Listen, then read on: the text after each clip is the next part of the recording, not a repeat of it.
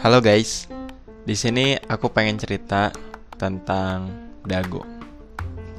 Jadi asal nama dari dago itu merupakan asal dari bahasa Sunda yang berarti dagoan.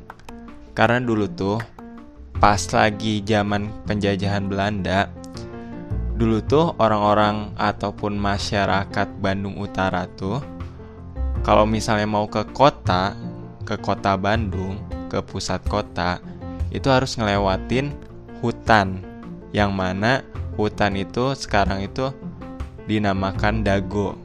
Jadi kalau misalnya mau pulang ataupun mau pergi itu tuh harus berkelompok. Jadi kalau misalnya ada si A mau pulang, itu tuh harus nungguin orang yang lain dulu untuk melewati daerah hutan tersebut. Jadi daguan, eh daguan kayak gitu itu. Jadi dinamakan tempat untuk menunggu orang yang mau pulang dari kota ke rumahnya yang ada di Bandung Utara. Jadi dago dagoan atau tunggu.